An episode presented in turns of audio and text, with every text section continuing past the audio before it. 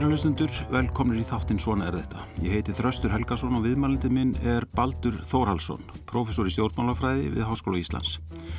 Baldur hefur rannsaka samskipti smáríkisins Íslands við humheiminn um árabil og sendi nýlega frá sér bók um alþjóða samskipti Íslands frá landnámi til líðveldistofnunar.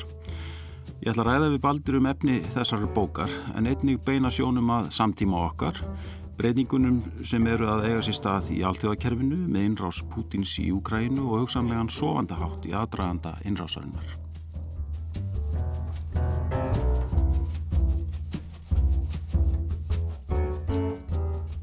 Baldur, velkomin í þáttinn. Takk fyrir. Sko, var, svo byrjum bara á, á, á Pútin og, og, og innrásin í Úkrænu, var alþjóðakerfið soandi á, á verðinum þegar að Kanski, já, kannski á, á undanförnum árum e, var alþjóðakerfið og, og, og, og stjórnmálamenn í hinn vestrarna heimi sofandi á verðunum. Hvað væri að gerast? Því að það er vissulega aðdraðandi að innrás Rúslands í Ukrænu núni í februar. Mm. Sko strax og pú, þegar Putin kemst til rauninni sem fósettisráður, rétt áður en að verður fósetti, e, sko þá e, stendur hann fyrir gríðulegu blóðbaði í tjesníu mm. og ekki mörgum áru síðar ræðist hann inn í Georgíu 2008 tegur síðan yfir Krímskaga 2014 sko, sko e, þessi slóði blóði drifin mm. og það var eins og að menn e, vildi ekki horfast í augu við það hvert stemdi mm. e, og voru að reyna friðþæjan voru að vonast til að með auknum viðskiptum, auknum samskiptum, menningarlegu annars konar samskiptum, þá væri hægt að draga úr þessum, þessu valdbóði og ofbeldi sem, sem hann beitir mm. heima fyrir og, og erlendis í sínum nákvæmna ríkjum. Mm. En sko, það var mörg önnu tekna á lofti. Ég meina í þó nokkur ár hafa ráðamenn í Kreml skipulega mitt stjórnaranstæðinga mm. sko göðum vestranna borga Já. og uh, án þess að, uh, að það veri gripið til sko verulegra þvingana gagvartegum eða, eða þannig rástafana að það myndi býta eða hafa einhver áhrif og raunin er ekki að sjá þetta öðruvísi núna en raunin bara menn voru með einhverju friðhæðingarstefnu og vonast, til, vonast eftir hinnu, hinnu besta. Mm. En hins vegar í aðranda sko innrásarinnar þá fannst mér nú raunin allt frá því sko november fyrir, fyrir innrás að þá var þetta aðrilsvert, þá fer leinu þjónusta bandaríkjana fyrst og svo leinu þjónusta Breitlands að deila í meira mæl upplýsingum með almenningi, Einmitt. meira heldur en oft gert áður mm -hmm og það er kannski mjög skiljalegt, sérstaklega í tengslu við í hvernig leinu þjóðursta bandaríkjana hagaði sér í tengslu við Íraksstríðið, að menn trúi ekki öllum sem þaðan koma, mm. en ef að menn lítu á það sem, ef menn lítu á það sem leinu þjóðursta var að segja frá því að nógum byrju fyrra, þá hefur allt, allt reynst, reynst rétt mm. og þar voru menn alveg að spá fyrir í hvert myndi, myndi stefna. Þannig að mér fannst nokkuð ligg, liggja fyrir í, í, í februar hvert, hvert stemdi. Mm. En umræðan var samt hérna heima svona frekar þannig að, að, að það var helstu sérfræðingar gerði ekki ráð fyrir innrás alveg fram á síðasta dagila og það var ekki talið að Pútín hefði neina hagsmunnaði því að ráðast inn í Ukraínu og, og, og hérna en, en Pútín var greinilega að hugsa eitthvað allt annað heldur en Já, ég, ég er alveg sammálaðið sem aðiðinu og emmið því sko undir lok í januar fór, fór ég að skrifa um það bara minni á, á Facebook síðinu minni hvað mér finnst vera raunni takmörkuð umræða hér í fjölmjölum mm. um uh, liðsapnað rúsneska stjórnvalda við landamæri við Ukrænu mm. og umfjöldlunin sko í nákvæmarlöndum okkar sko á Norðurlöndunum, í Þískalandi og í Bandaríkjunum og Breitlandi var miklu meiri heldur en hér og þar voru líka sko stjórnmálamenn að taka virkar þátt í umræðinni og lýsa yfir ávíku sínum mm. af ástandinu sko hér á landi stigurinn í stjórnmálamenn ekki inn í umræðina að nokkru gaggrinni fyrir bara sko nokkru sólarringum áður en sko sprengið það fóra að regna yfir kýf mm. og uh, nokkuð sko sérstakt og eins og aftur vorum að ræða segja á þann að þetta eins og menn triði ekki hvað væri að gerast mm. en við vorum einhvern veginn ekki tengd inn í þessa umræðu sem var, var þó í nákvæmlandunum okkar og, mm.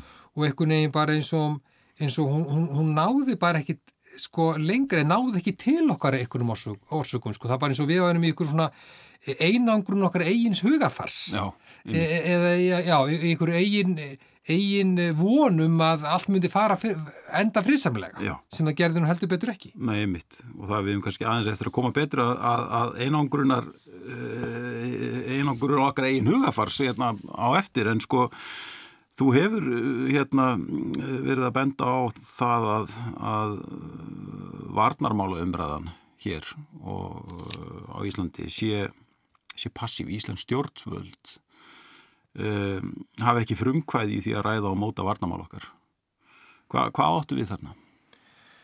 Já, við byrjum það bara östut á, á, á, sög, á sögunni. Við náttúrulega njótum þess að vera í Varnarbandalæginu, Allarsasbandalæginu uh, allt frá 1949 öll, öll kaldastrís árin og verið með tvílega varnarsamning við bandaríkin og vegna þess að við lutum liðstyrks þá bandaríkjana og, og NATO og helstu sérfræðinga þar þá sáu íslenski stjórnmálamenn takmarkaðan þörf á því að byggja upp sérfræðiþekkingu hér á landi. Mm. Ég held líka að íslenski stjórnmálamenn vildu bara daldi halda þessu hjá sér þessi mál voru, varnamáli voru mjög viðkvæm mm. uh, eins og menn vita og þeir vildu bara halda þessu máli um sér og síðan að, að, að ræða þau við sína kollega í nákvæmlega löndunum, bandalagstjóðum okkar. Mm. Þannig að hér átti sér aldrei stað e, skipilu uppbygging á sérfræðiþekkingu í, í uterriksmál, sérstaklega í öryggis og varnamálum og hún er takmörku ennþá. Því miður erum við ennþá í þeirri stöðu að hafa mjög fá sérfræðinga það kemur öryggis, öryggis og, og, og vartanmálum. Mm. Staðin hefur, hún, hún, hún hefur batnað, bæði útæriksráðundi hefur elfst mm. sem og, og deildir háskólan, sem mín deild, stjórnmálafræði deild og alþjóðamálastofnun Háskóli Íslands. En betur má við stuga, duga, duga skal, sérstaklega þegar kemur öryggis og vartanmálunum og við einhvern veginn varnastefna náttúrulega bara á tímum kaldastrýsin, henni var bara útvistað. Hún er bara rauninni ákveðin í Washington og hjá öðrum bandalagsþjóðum okkar. Mm og að mínum að þá eigmir aðeins eftir af þessu. Og ég hef verið að kalla eftir því að, að við þurfum sjálf fyrst að meta hver er varnar þörfin fyrir Ísland á okkar mati. Og þegar við sjálf erum búin að leggja mat á það og þá, þá þurfum við náttúrulega að hafa sérfræðinga til þess, okkar eigin sérfræðinga. Eftir við, þegar við höfum lagt mat á það og setja það niður fyrir okkur að taka þá upp viðræður við bandalagsríkjun okkar hvernig ber að haga vörnum landsins. Mm. Nú er bara stundum spurt í umræðinni, sko þegar kemur að spurningur til dæmis þurfu við á lítilli hersveit að halda á öryggisvæðin í Keflavík, mm -hmm. þá er oft spurt í umræðinni, já hvað finnst bandaríkjumannum? Þannig að það er einn útvista stefnunni þangað, en það getur nefnilega verið þannig að sín sko bandaríkjana á varnir Íslands getur verið hans annars konar heldur okkar eigin sín. Bæri nefnum sem dæmi, hér á Íslandi er mjög umfangsmikil eftirlit með sko lofthelginni með hugsaðlega ofinveittum flúvjölum í land, landhelginni lofthelginni. Það er líka eftirlit með e, kjartorkakabótum í, í hafinu. Þetta er að ég held einhverjum sér gert fyrir bandaríkin, bandarík stjórnvöld. Mm. því þau vilja ekki að rúsnum stjórnvöld leggji kjartorkakabótum í kjartorkuvopn fyrir utan mannhattan mm -hmm. þannig að það er einhverjum sér að lægi að vera hugsað þarna um hagsmunni bandaríkjana kannski og ég segi kannski eru okkar hagsmunir frekar faldir í því eh, að vera með litla varnasveit sem getur komið til aðstóðar hér ef að svo, svo ólíklega vildi til að einhver vildi gera hriðiverka árás eða árás á, á landið sem getur hugsalega varið eh, Ísland í stuttan tíma þanga til að Lísafli best að utan. Mm. En þetta er náttúrulega bara þessi umræða sem mér finnst að þurfa að eiga sér stað mm -hmm. meðal okkar sko bæði með stjórnmálumanna, sérfræðinga og almennings við mótu stefnuna og við förum með þá stefnumótun yfir til okkar bandamanna og ræðum sínu saminningu og komum sínu samvili niðurstuðu hvernig vörnum Íslandi best, Íslands er best átt. Mm -hmm. En þú talar um litla varnarsveit, eru við þá að tala um eru við þá að tala um uh, sem sé að kalla aftur hinga varnaliðið eða, eða hvað, hvað væri, hver væri lausnin á því? Já sko ég held að sé, það, það er engin viljið til þess og það er eiginlega samstæðam að segja það, það er samstæðam með íslenska stjórnmálamanna um það að hér verði ekki stopnaður íslenskur herr. Mm -hmm. e, það held ég að sé alveg ljóst, þannig að við erum að tala um undan höfu enga þekkingu mm -hmm. að vera með hér eða stopna hér. Það er miklu betra að, að nýta þá krafta bandamann okkar í, í hvað það, það varðar að það væri þá ykkurjar varnasveitir á þeirra vegum. Við gætum þá frekar uh, sint netvörnum eða öðrum málum sem við höfum sérfæðið þekkingu, þekkingu til að sinna. Mm sjáum að, að innrásin í Ukrænu er að hafa þau áhrif að, að, að svíjar og finnar eru, eru búin að sækjum yngöngu í, í NATO. Sko, hefur það einhver áhrif hér? Eða á, eða á sem sé varnarmála í, á Norrlöndum, einhvers konar samstarf hér á Norrlöndum, breytist eitthvað í þeim efnum hér? Eh, sko í fyrsta lagi þá er þetta með starstu sko pólitísku tíðundum í Evrópu bara frá því að kaldastriði skall á mm -hmm. að þessar hlutlösu þjóðir sem tóku ekki afstöð til deila stórveldan í kaldastriðinu skuli núna, núna ganga í varnabandalagi NATO. Mm. E, þó, þó að vissulega hafi þær unni mjög náið með NATO og, og, og, og ríkjum NATO að varnamálum allra síðustu árum. Það hefur líka verið vaksandi mæli Norðurlandathjóðunar, hafa verið að vinna saman af varnamálum. Inganga þessar þekkja ríkja í NATO mun hafa áhrif á varnamáli í Evrópu ég held að, og í, á Norðurlandunum, sko til dæmis og í Eistarsaltinu, það hefur verið miklu auðveldara fyrir NATO að verja Eistarsaltið. Ég held að það verði líka miklu auðveldara að verja Eistarsaltsríkin mm -hmm. þegar Finnland og Svíþjóð eru komin í NATO og menn eru komin með sko rauninni samilega herstjórn og algjörlega samilega nálgun á varnir landan og varnir svæðisins mm.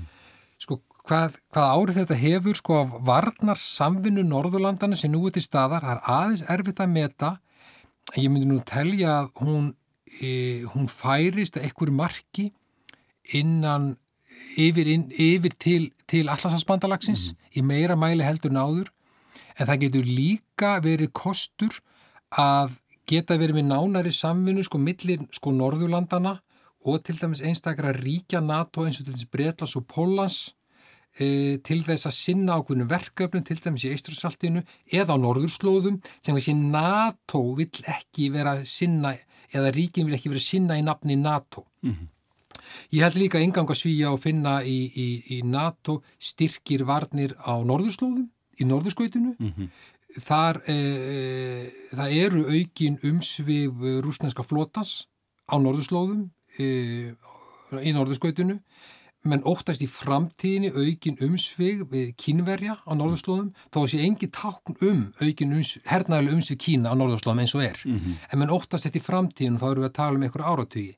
En það að hafa þessu stóru norður skautsríki rauninni, Finland og Svíþjóð, inn í NATO, það, það, það styrkir varni rauninni NATO og Íslands þegar kemur á norðurslóðamálum. Og rauninni þá eh, varnir norður allansafsins.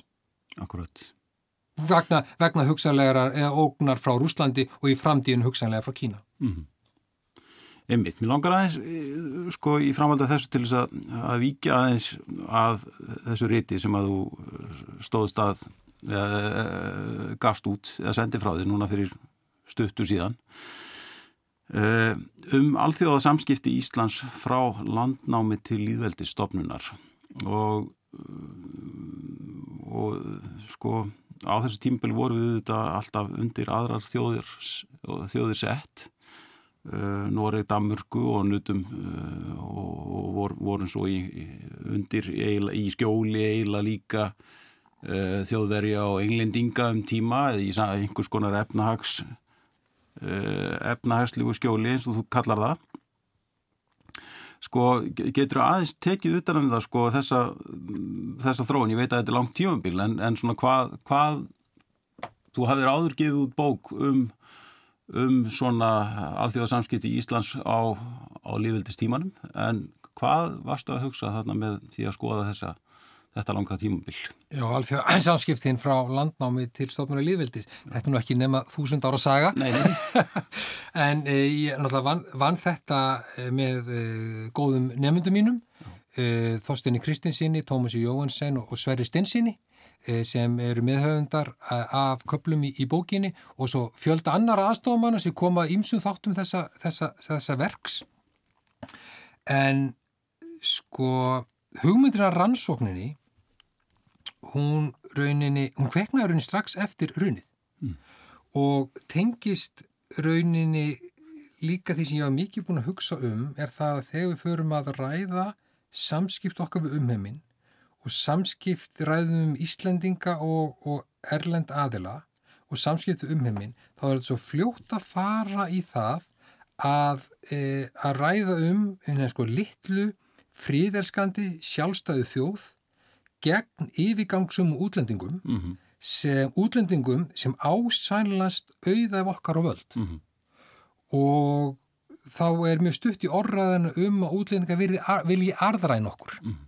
það fer fljótt yfir í það far e, sko á hvaða, hvaða orðræðu sem við tökum hvort sem það er sko þrýði orkupakkin sem er nú bara nýlegt máli í Íslengu samfélagi ISAFE hugsaðlega yngöngi Evrópusambandið, EES yngönguna sínu tíma, EFTA yngönguna, herstöðuna aldrei að NATO eða uppkasti 1908. Einmitt, það sé alltaf sama orðræðan sem er endur takast í eða hvað? Sko, á mikill að æfinga þá er þetta að taka sko sama textan þegar við vorum að deilum uppkastið 1908 og umræðinum orkupakkan og skipta bara þriði orkupakkan út uppkastið og við getum notað sama texta.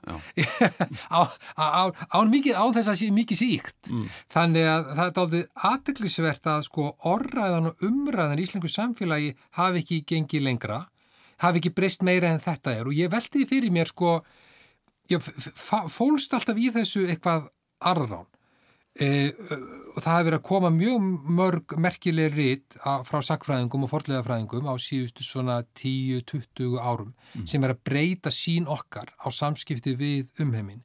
En mér langaði að vita hvort að sko kenningar í alþjóðastjórnmálum og kenningar í smáríkjafræðum sem ég vinn engum með, hvort það getur hjálpað að eða varpað ykkur nýju ljósi mm. á samskipt okkar við umheimin. Og þess vegna skoðaði ég það eh, kenningu í, í smáríkjafræðum sem hviðar áðum það er lítil samfélög sem eru með lítil markað og eiga eru með að verja sig utan að koma til ógn. Eh, þau þurfi alltaf á eh, skorun þessum við kallum pólitísku, efnaðslegu og samfélagslegu skjóla halda mm -hmm. frá voldur í nágrunum. Eh, því geti áfyllt ákveðin kostnaður en þau þurfi á skjóla halda. Og mér langar að aðtöfa hvort að þessi fullinning kenningarinnar ætti við um Ísland í sögulegu samingi eins og þú mm. nefndir, þá var ég búin að skoða sko auðverkistefnun á lífveldistímunum mm. og uh, fannst ég mig mikið vakt og það, það, okkur fannst mjög og við notum þá rauninni sko þessar texta og þessar, þessar stórmerku uh, útgáfur, nýlegar útgáfur og gamla frá sakræðingum og forðlega fræðingum og, og mátum það inn í þessar kenningar og til einfölduna þá, þá sko þá komumst við að þau eru niðurstöðu að almennt að samskipti Íslensk, Íslendinga við umheiminni gegnum tíðina eru stórlega vannmetinn. Áhrif samskiptana á samfélagstróðun og innanlands eru stórlega vannmetinn og við höfum á flestum tímabilum í sögunni verið í pólitísku, efnaðslegu og samfélagslegu skjóli sko nákvæmlega ríki okkar eða katholsku kirkjunar eða erlendra sæfara en þó vissulega hafi stundum kostnaður fylgst þessum samskiptum en, en yfirleitt var ávinningur meira af þeim heldur en kostnaður. Hvaða kostnaður eh, er, hvaða kostnaður er það að tala um þarna? Já sko, til dæmis má nefna það að e, einungarna Veslund Anakonungs mm. e, þá nú erfitt að komast annari niðurstöðu, hún hafi verið mjög kostnaðasum e, fyrir, fyrir lands, landsmenn en að það sama tíma verður að taka tillit til þess að það var henn ríkjandi sko viðskiptastefna á sínu tíma í, í Evrópu. En þó að það var í kostnæðar af þessari efnaðarstefnu Danaveldis á þessum tíma e, með einogarnaverslunin blífi er þá voru við að njóta mjög umfangsmikils sko samfélagsleg skjóls af félagslegum og menningalögum samskiptu við Kaupmannhöfn mm. sem byrtist til dæmis í aðgangi Íslendinga að yðmöndun og háskólamöndum í Kaupmannhöfn þeim nýjustu ströymum og stefnum sem berast í gegnum Kaupmannhöfn til Íslands. Við fylgjum alveg eftir þeirri menningarþróun og félagsþróun sem er eigast í stað í Evrópu og í Danmörku. Við fylgjum henni eftir. Mm -hmm. e, íslenski menningararfurinn er varveittur í Kaupmannahöfn, á hans grunni er síðan er, reist, er, er líðveldi reist sko eða fullveldi reist. Þannig að þó að það sé ekki sko efnaðslega skjóla þessum tíma þá er sko samferðislega skjólið að ég held af tengslónum að því að vera í Danaveldi stórlega enn vannmetið bara svo ég nefni, nefni sem, sem dæmi. Mm. e, síðan sko við förum bara leikurum okkar að fara lengra aftur sko að þá fannst mér þetta aldrei gama þegar maður fór að kannski glukka í bækur norskra sakfræðinga um sko miðaldirnar þá sér maður allt, allt í einu sko meira skrifaðu um það að sko Norrús konungu taldi sig stjórna öllum eigunum norvestur af Norri. E, við vorum á yfirásvæði Norrús konungs mm -hmm. og þegar kannski ég held að Norröks konungur hafi ekki séð íslenska þjóðveldið þegar henni endlega íslensku gullöld mm -hmm. Þa, það var ekki það, einhver sér eining sem stjórnaðu væri sjálfstæð mm -hmm. hann réð yfir yfir þessum, uh, þessu svæði þó hann kannski ekki stýrstagstaglega hvað var að gerast vegna legu, legu landsins en við sjáum þetta fyrir okkur sko norðvestur allansafið e, raunin sem eitt samilit markasvæði mm -hmm. á miðöldum það sem þó að sjálfstursta búskapur var, var megin var megin svona atvinnuvegurinn og skipti veruleg miklu máli, þá voru umfangsmikil, eða voru þó nokkuð viðskipti og viðskiptin sem voru og samskiptin sem voru skipti gríðarlega miklu máli sko höfðingjastjettina, mm. yfirstjettina því hún fekk sína virðingu og vegtillu af samskiptu sínum við höfðingja í nákvæmlega mm og íslenska höfðingastettin taldi sín alltaf meiri eiga sæmegilegt með, með erlendum höfðingjum heldur um íslenskum óbreytum almúa mm. og náði sína vegtillu af samskipt, félagslegum samskiptum sínum við höfðingastettir í, í nákvæmlega mm. þannig að, að, að þetta skiptir og, og þannig fylgjum við eftir líka miðuldum þeim hugmynda ströymum sem eiga sér stað í, í álfunni mm. ég bara til dæmis eins og, eins og bara kristnintökunni Já, einmitt. Bara, bara sem, sem náttúrulega mikið hefur verið, fjallað um. Mm. en sko en kannski minna að sko allt í einu leiðu við tökum verðum kristin þá eru við ekki lengur sko óvinnir við vorum, hafa litið á heiðingja sem sko óvinnvetta mm. eða ferðu þessi kristnu löndum. Þá áttu við allt í einu greiðan aðgang að Evrópu og, þá, og með kristninni smá saman næstu öldum þá fara að koma áhrif sko ekki bara frá sko Noregi og Englandi, þetta er líka frá meilandinu mm. og sér gegnum katholsku kirkjuna. Svo hens vegar þegar að síðaskiptin verða þá lokar ákveðinu leiti fyrir áhrif frá meilandinu og þau fara að merða bara meiri í gegnum köpmanu og frá norður og vestur Evrópu. Mm. Þannig að þessi, hver, hver, hver samskiptin eru við um heiminn skiptir gríðarlega miklu máli út frá því hvernig hvort að e, samfélag hér blómstraði og uh, hvernig því vegnaði á hverjum tíma fyrir sig. Mm. Þannig ég held að myndi lega mér að fullir að það að stóra, ef að hér var gullvöld á tími þjóðveldisins, þá var hann ekki síst að þakka þeim umfámsmiklu samskiptum sem mm. við áttu við nákvæmlega. Já, já, akkurat.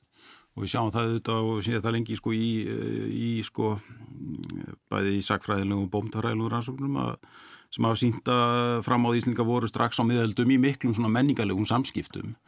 En, en sko þú ert í raun og að segja að, að, að svona þú talar hérna um landfræðilega heimsmynd Íslendinga á, á þessu tímabili að hver hún er sko og hvort, hvort Íslendingar hafi séð sig í raun og veru landfræðilega sem hluta af henni, stóru heimsmynd á þessum þessu aldabili Já, menn sko deila til heilmingið um það það eru skemmtilegar eh, deilur um það sko hvena fóru, fóru landsmenn hér að sjá sig sem Íslendinga Já. eða bara einfallega norranna menn eða eða, eða, eða, eða norðmenn sko en, en eh, smá saman þróast þetta yfir í að við förum að njóta ákveðina sérstöðu sko og svo náttúrulega breytist sko til dæmis tungumálið sem eflaust hefur áhrif, áhrif, áhrif á þetta sko en það sem ég finnst eiginlega mestumáli skipta er að við erum að,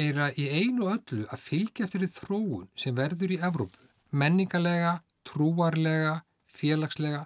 Það tekur ekki mjög mörg ár fyrir ströymar og stefnur á hverjum tíma að berast inn fyrir landsteinan. Mm. eins og til dæmis rannsóknir hennar steinuna Kristjánsdóttur uh, forðlefafræðings mm. hafa sínt fram á að íslenska klustusreglur sem lengi ta ta var talið að hefðu bara verið eitthvað svona sérstakar íslenska klustusreglur. Þær voru bara fylgja eftir evróskum klustusreglum, ströymum og stefnum þeirra hverju tíma fyrir sig. Mm.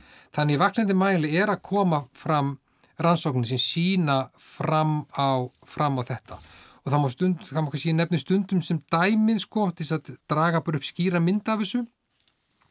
Sko, þegar samfélag norrætna manna á Grænlandi sko smá saman missi tengslinn við Evrópu uh, og svo einangrast og svo, svo hverf, hverfur á Grænlandi þá myndast allt náttúrulega konar menning með önnu gildi og viðmöð á Grænlandi. Heldur um til dæmis Hérlandi vegna að við vorum alltaf áfram tengd evrósku menningaströmmum Þetta hefur til dæmis að áhrif að við Íslands samfélag á auðveldara með að aðalast innu nútíma, nú, nútíma samfélaginu sem byrjar að mótast á 19. öll og 20. öll heldur hinn grænleinska samfélag. Þessi gildunum viðmiði voru einfallega önnur. Mm.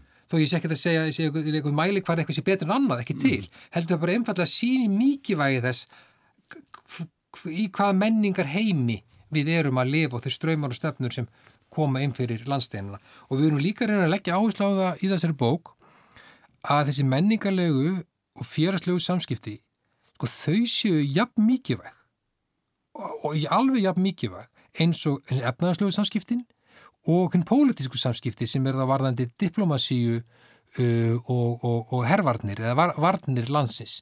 Og á, á þessum tíma þá skipti þessi samfélagslegu samfélagslegu samskipti að tryggja það að nýjustu ströymar og stefnur, nýjustu tæknu og vísi, vísindi, e, nýjustu raunin einfallega bara skólabækurnar og mentastefna næði til Íslands. E, þó að það gerir kannski ekki eins hratt og núna á tímum internetsins, þá, þá, þá báru þessi ströymar til Íslands. Umhund. Sko síðan, sko, væntalega verða, sko, þú varst að reykja hérna áðan í upphafi uh, það hvernig uh, orraðar um íslenska auðrækismál hefur verið kannski eins meir og minna í meirun öll og, og það er kannski áhrif sjálfstæðisbarátunum væntanlega þegar við fáum, förum að tala um þessa hugmyndum Ísla, Ísland og íslenska menningu sem, sem sérstaka og, og, og einstaka uh, uh, hugmyndunum að við séum sér á parti og svo framvegis að, að og í þessu fælst svona einhvers konar einangrunnar stefna jáfnvel sem hefur svona áhrif á það hvernig við tölum um Ísland og um heiminn Já sko líka bara hvernig og, og gerir kannski enn eða hvað? Já hvernig sagan hefur náttúrulega bara kent í skólum þó hlutinni séu að breytast. Sko, þegar ég lærði sögu í grunnskóla þá hétt nú sagan bara Íslandsaga mm. fína nafni Íslandsaga Þegar börni mín hins vegar voru í gagfræðaskóla eða hagaskóla fyrir ekkert svo mörgu síðan en nokkrum árum þá var búið að breyta nafnin á sögubókinni úr Íslandsögu í sjálfstæði Íslendinga 1 og sjálfstæði Íslendinga 2. Já.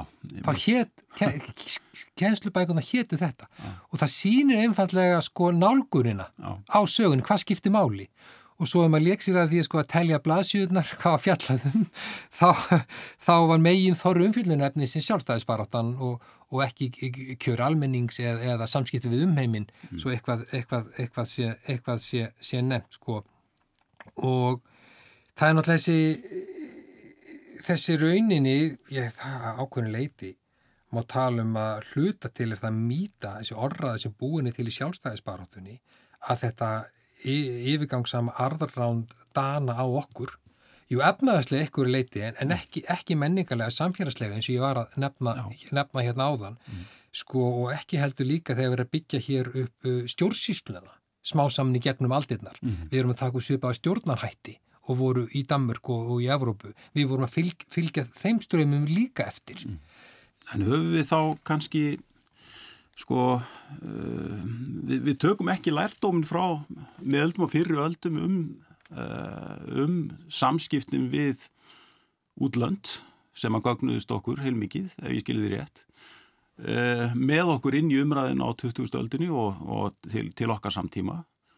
Heldur fyrst og fremst kannski þennan þessa orðræðu einangrunur orðræðuna úr sjálfstæðisbaróttunni og ég meina við, við sjáum þetta kannski endur speglast í umræðu bara á síðust árum um ESB aðild og svo framvegis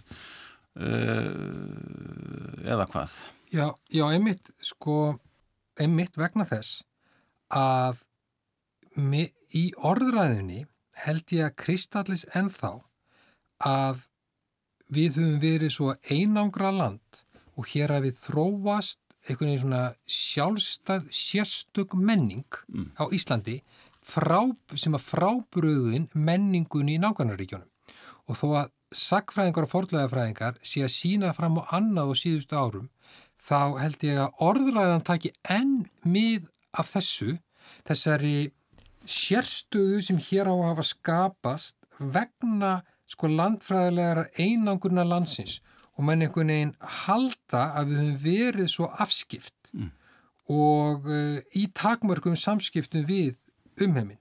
Þess vegna sko raunin langa eins og við mikið að bara horfa nær engung á þessi alþjóða samskipti Íslands mm. út frá þessum þremur þáttum rauninni pólitíka, diplomasíu, viðskiptum og síðan menningu og félagslegum samskiptum til þess að reyna, reyna einangra þá breytu til að sjá hvað marki hún hefði áhrif mm.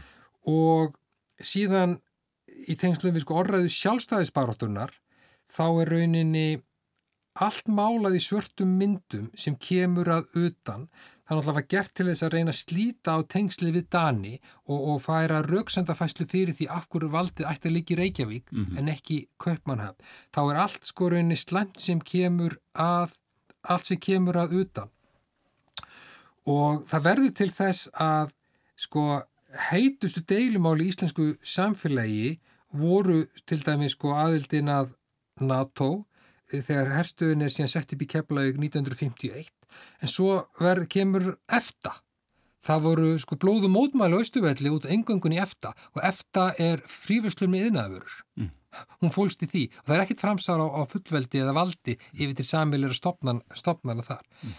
Síðan verður gríðarlega mikla deiru líka um uh, EES mm. og í Evróska efnaðarsvæðinu sko og ég held að þessi orðaða sé svo rauninni ef ekki sagt sé skadlu okkur vegna þess að það áákveðist að við deilum völdum með, með Európa-sambandsríkjónum þegar kemur að öllum þeim málaflokkum sem falla undir EES.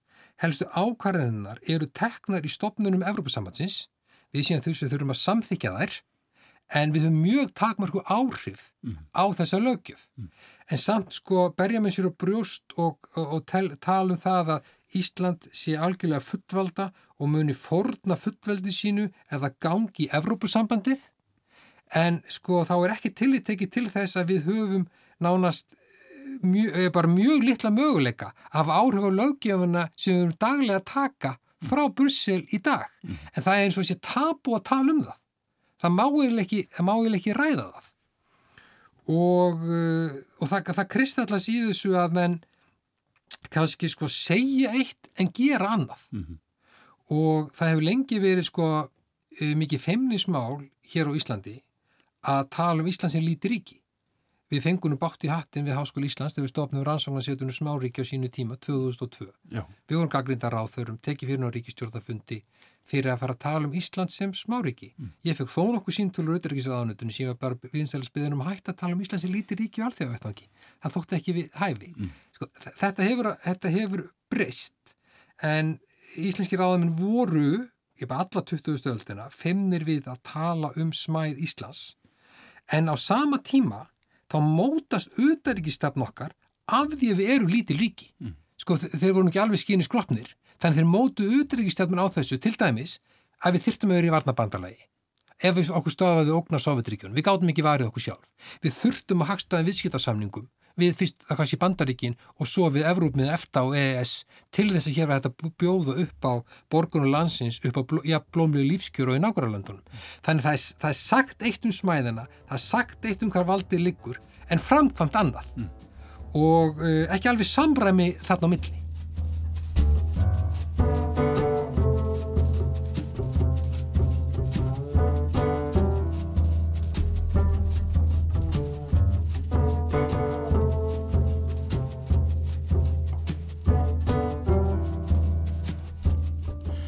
Kæri hlustundur, ég heiti Þraustur Helgarsson og þið eru að hlusta á þáttinn Svona er þetta.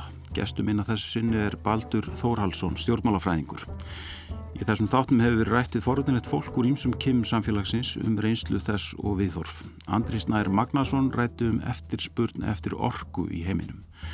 Hægt er að hlusta á Svona er þetta í spilarrúf og í öllum helstu hlaðvarps veitum.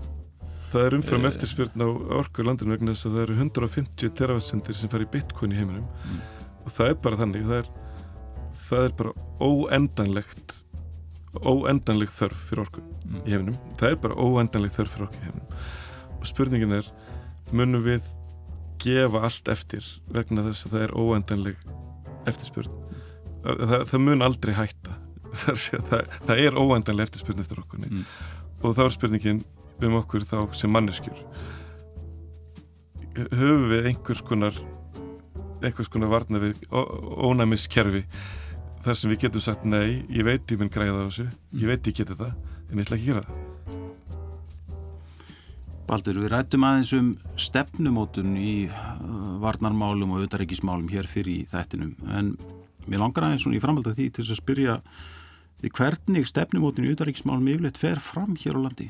Og til dæmis eins og uh, samspil á milli rannsókn á stefnumótunar, hvernig, hvernig er það? Það er sko góð spurning. Sko gegnum sko eins og, eins og kollegar mín býr háskóla sínt fram á eins og Gunnar Helgi Kristinsson þá mótaði það stefnumótun í Íslandi alla 20. öldina að rauninni alþingi var stopnað og kom til sögunar hér á Íslandi á undan stjórnsíslunni. Þannig að sko pólitísk afskipti alþingi og alþingismanna að daglegri stjórnsýslu verkefnu var miklu meiri heldur í nákvæmlega okkar. Þannig að stjórnsýslan þróast hér og verður svona miklu setna skilvirk og skilvirk og, og, og gagsæ mm. án pólitískra fyrirgreyslu. En það hefur náttúrulega vissuleiti mjög mikið breyst á undarförnum ára, áratugum. En eh, sko ég held að eimaðis eftir þessu ennþá í til dæmis utaríkismálum. Það kemur að samskiptu Íslands við umheiminni ví, víðu samhengi. Sko náttúrulega ráðanetti, utaríkisráðanetti hefur stórelst e, og þar vinnur sko tugi sérfræðinga á öllu þeim sviðum e, sem varða bara utaríkis samskipti ríkja, ríkja nút, nútímas. Þannig að stefnumótunum fer fram þar en mér finnst ofta á tíma ég að síður sko ofta vært mér meiri samtal sko við, við samfélagið og kannski við fræðarsamfélagið en auðvitaðrikismál hafa einfallega verið bara svo oft viðkvæm hér. Þessi varnamála umræði var alltaf svo viðkvæm. Evrópu umræðan erfið mm. þannig að e, mín tilfinning hefur verið svo að sko, stjórnmálamenni vilja alltaf halda þessu bara hjá sér eða halda þessu innan ráðuneytisins. Og ekkert mikið að, er að fara með þetta mikið út úr húsi eða oft inn í almennu umræðu nema þeir neyðist til þess sko það er alltaf bara við nefnum sem dæmi e, sögulegt dæmi sem ég held að við gætum alveg líka fundið mörg í dag áður í 1967 þegar var, voru þingkostningar og viðreysnastjórnin var við völd það allt stefni miklu efnaðaskreppu því síldin var, var að hverfa stjórnin baku tjöldi var búin að raunin ákveða sækjum aðelda eftir hún sagði ekki orðuðum að fyrir eftir þingkostningarnar hún ætla ekki að fara inn í, það, inn, inn, inn í það umræðu inn í þingkostningar og hætta því að tapa málunum þar Þannig að við bara halda þessu til hljés og svo bara leiða þingkostningur búnar þá er við líst yfir það að sækja með alltaf eftir. Mm. Sko þannig að menn, menn leggja ekki inn í þessa umræðu og, eru, og sjáu við það þegar, hvað sem munum finnst um það, eins og núna í ljósi innráðsvannu í Úkrænu, þá fara menn að endur skoða NATO aðild í Finnland og Svíþjóð það bara hefur komið skýrt fram hjá fórustumunum Vafki, það kemur ekki til greina sáflokkur í huginu sínu að breytum stefnu. Mm. Það er bara stefna sem er bara, það, ætla ekki, þau ætla ekki að skoða neitt hvað það, það varðar. Ekkur flokkar samfélgingir viðreist telja það þurfi að ræða Evrópumálinn, hugsaðlega Evrópusamats aðild í tengslu öryggis og varnamál og það er brúðist mjög harkalega við þeim umræðilum. Uh, mjög harkalega þannig að menn er ekki tilbúin að taka samtalið um það sko, hvað mm. afstöðu síðan menn síðan hafa til þessa þannig að þetta held ég að líti aðeins sko þátt uh, já sko hversu opinn stefnumótun er í auðaríkismálum almennt mm. og er sko, sko ymitt og, og manni virðist sko svona almennt séð bara sem umræðum utarækismál sé eh, frekar lítil og veik, það fer frekar lítið fyrir henni.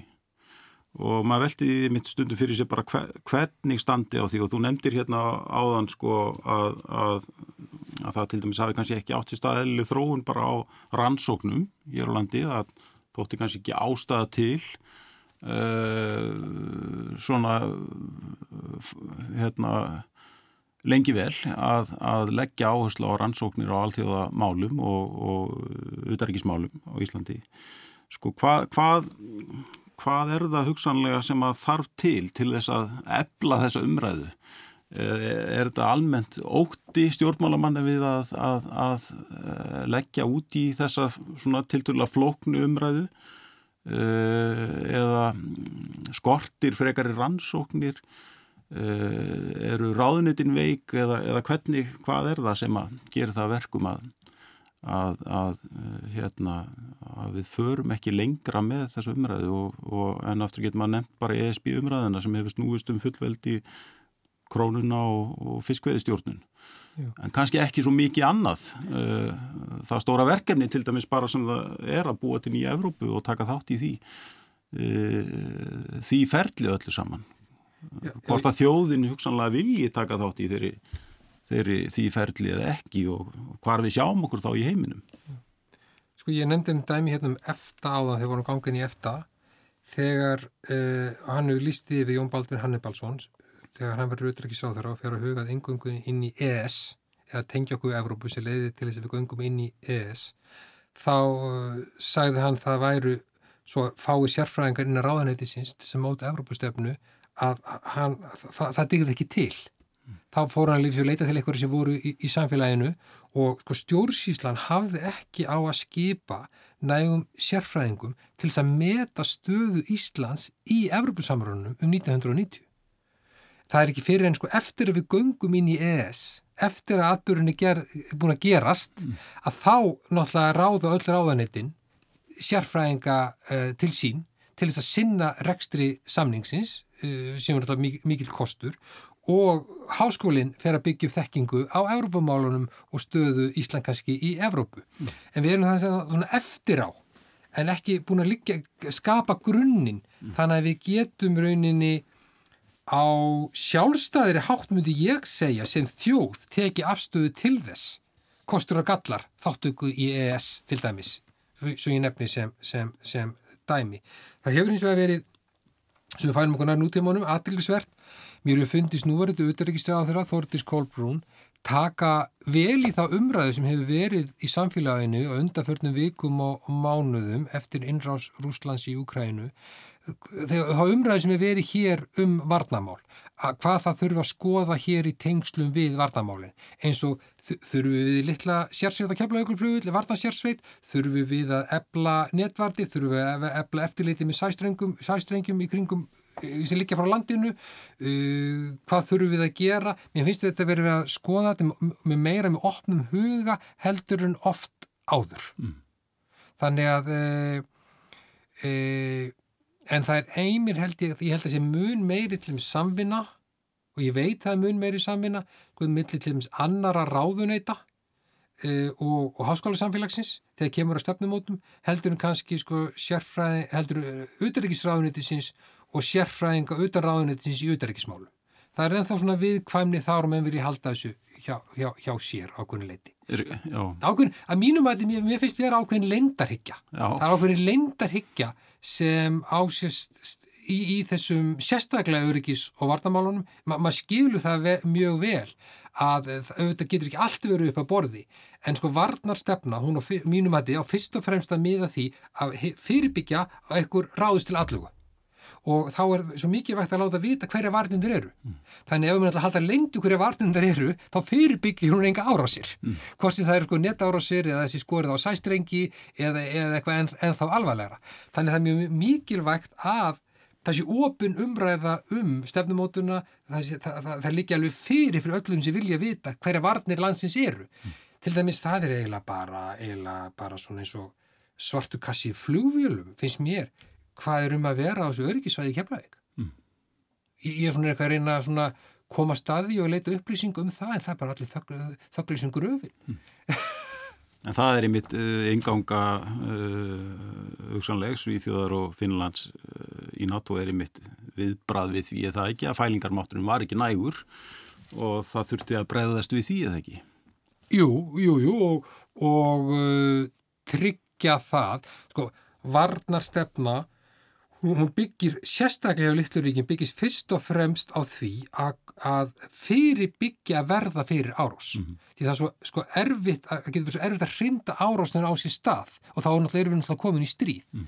Þannig að, að, að þegar við tölum um mikið vægi varna og þá, þá við sem hefur verið að tala um mikið vægi varna erum stundum tala um að við séum ekki fríðelskandi en við erum, myndi ég segja, emmitt fríðelskandi vegna þess að við viljum koma í veg fyrir átök mm. með því að komi eh, sko, fyrir byggja að það verði árósir og þannig tryggjur þú kannski best, best friðin mm. með, með því að e, verjast og undirbúa þig undir á, e, hugsaðlega árósir í hvaða formi sem þar eru þá fyrirbyggjur að það eigi, eigi sér stað og það mm. er það mikið vegast Er eitthvað feimni við hérna við sko samspil á milli svona ofnberra stjórnsýslu og stjórnmála og svo hins vegar stjórnmálafræði. Ég var hérna með hagfræðing í viðtalið fyrir svona ári síðan, Guðrún Jónsson, dottor í hagfræði sem að, sem að talaði um það að hagfræði væri pólitísk grein og hún saknaði, þess, saknaði meira samtals beinlýnis á milli hagfræðinga og stjórnmála. Er, er, er einhver svona feimni við við hérna uh, við þessa samræðu á milli rannsagenda og, og fræðimanna og svo hins vegar praktíserandi stjórnmálamanna. Já, það, það er það að ég held sérstaklega í auðvitaðarkismálum en eflaust í öðrum máluflokku líka ég held sko að það kannski byggist ákveðin leit á því eins og einu sinni var sagt við mig úr sagði ennbætt sem er í fórsætsraðunundur við mig fyrir þó nokkur árum. Sko við pöntum aldrei skýrslum skýrslu frá sérfræðingunum sérfræðingun nefnum ágöðum fyrirfram hvað standið og það sko eimðið aldrei eftir þessari hugsun að menn ákveða eða stjórnmálamennir ákveða hver stefnan er að vera og svo eru náttúrulega sjálfsögða ennbættismennir eða sérfræðingur í bæ fengið að útfæra stefnan sem stjórnmálamæðurinn er einn og sér eða flokkurinn búin ákveða. Mm. Samtalið er ekki tekin, hverjir eru hugsaðlega kostur og gallar við tiltekan lausnin, hverjir eru leiðirna sem hugsaðlega fara, hvað eru margar leiðir í bóði, hver eru kostur og gallar, hverjir leiða fyrir sig. Menn eru hrættir inn í þess fara, fara taka þessa umræðu sérstaklega í viðkom pólitísku málum. Og auðvitað er það bara skiljanlegt. Og við erum bara ekki vön því í utarrikismálum að ég held að, að, að, að vinna svona. Mm -hmm. að hvort sem það er varðandi varnamál eða, eða Evrópamál Að lókum Baldur, þá voru kostningar hérna fyrir tveim viku síðan og mér langar til að spyrja þig bara svona með þessi úslit í borginni. Hvernig tólkaru sigur fransóna flokksins í, í, í, í borginni og ég man að þú hefur talað um populisma í, í því samhingi sem er örgla svolítið viðkvæmt. Viðkvæmt mál, þú, þú hefur nefnt á Facebook síðinu þinni. Sko, er, erum við í einhverjum skilningi að horfa upp á framgang populíska stjórnmála hér á landi? Já, ég kannski meira mæli heldur við áttum okkur á. Það er bara ákveðin miskýlingur í gangi bara í, umræð, bara í Evrópu held ég á bandaríkjum og populismi sé rauninni bara sko einhver endilega hægri stefna Trumps mm. eða hægri stefna Le Pen í, í, í Fraklandi. Populismi getur verið vinstri sinnaður eins og við sjáum í flokkun sem gengi vel í Greiklandi mm. og í, á, á Spáni en populismi getur líka verið í miðjunni mm. eins og við sjáum bara skildamis, bestu dæmin eru úr, úr Suð og Mið-Amríku peronistar í peronistar til dæmis í Argentínu. Uh, hann getur verið á miðjunni af því populismi hann byggir sko fyrst og fremst á því að þú setur upp sko valdaeilituna í, í, í, í borginni eða borgonum uppi á móti alþýðinni. Valdaeilitan hugsa bara um sjálfa sig, hún, hún, hún, hún er, er gýrug og hugsa, hún er spilt, hugsa bara um einn hagsmunni og vinnu gegn hagsmunni almennings. Og það er alveg, það eimir aðeins af þessu í íslenskri stjórnal, stjórnmála umræðu. Mm. Þetta er svo skýristu mynd populis, populismans þegar hún byrtist í þessu og ég, ég nefndi bara sem dæmi þegar sko, sko framsóknarmenn, formaður flóksins og oddviti flóksins í Reykjavík fór að tala um það sko að sko rauninni valda eiginlega miðbúr Reykjavíkur í ráðhúsinu, sko hún væri að vinna gegn hagsmunum almenna borgarbúa og landsmennar allra þegar koma því að hún vildi loka fljóðvöllinum og byggja upp þorp í skærifyrði. Mm. Sko það var þetta orra, það, það var þetta dæmum orraðin að fellu beint inn í skilgrinningar okkar stjórnmálafræðinga á populisma. Mm. Númið tvö skilgrinninga á populisma er svo að þú gengur ekki með fyrirframgefnar hugmyndur í kollunum hvernig eigi að leysa verk, verkefnið, til dæmis sem markaslösnum eða með sósilisma heldur, þú lítur á hvaða mál er óvinnsælast eða, eða, eða, eða mestur rætt í samfélaginu og þú sér það hvað heldur að fólk vilji að þessi sagt um það, þú tekur þau upp og ákvöður það að vinna, eh, leggja áherslu á að eh, byggja ný hverri frekarinn þetta byggð, eh, auka veg bílsins frekarinn almennarsamganguna, af því þú held það er, það er í umræðunni. Þannig þú bara, þú stekkur á vagnin hinn almanna rómin frekar heldur að koma með stefnumótun þess að þú telur á grundu einhverju hugmyndar að sé bestur í samfélagið. Sko, það er ekki, og við stjórnmálafræðingar hefur ekki skoðan því hvort sé eitthvað verrið að betra. En ég held sér mikið vegt að við leifum okkur að nefna þetta og geta tala um þetta upphátt. Að við köllum einhvern veginn hlutina réttu nafni eins og ég sá að hún Steinun Sigurðardóttir Ritthöfundur var einmitt að kalla eftir því að við, við nefndum hlutina réttu nafni.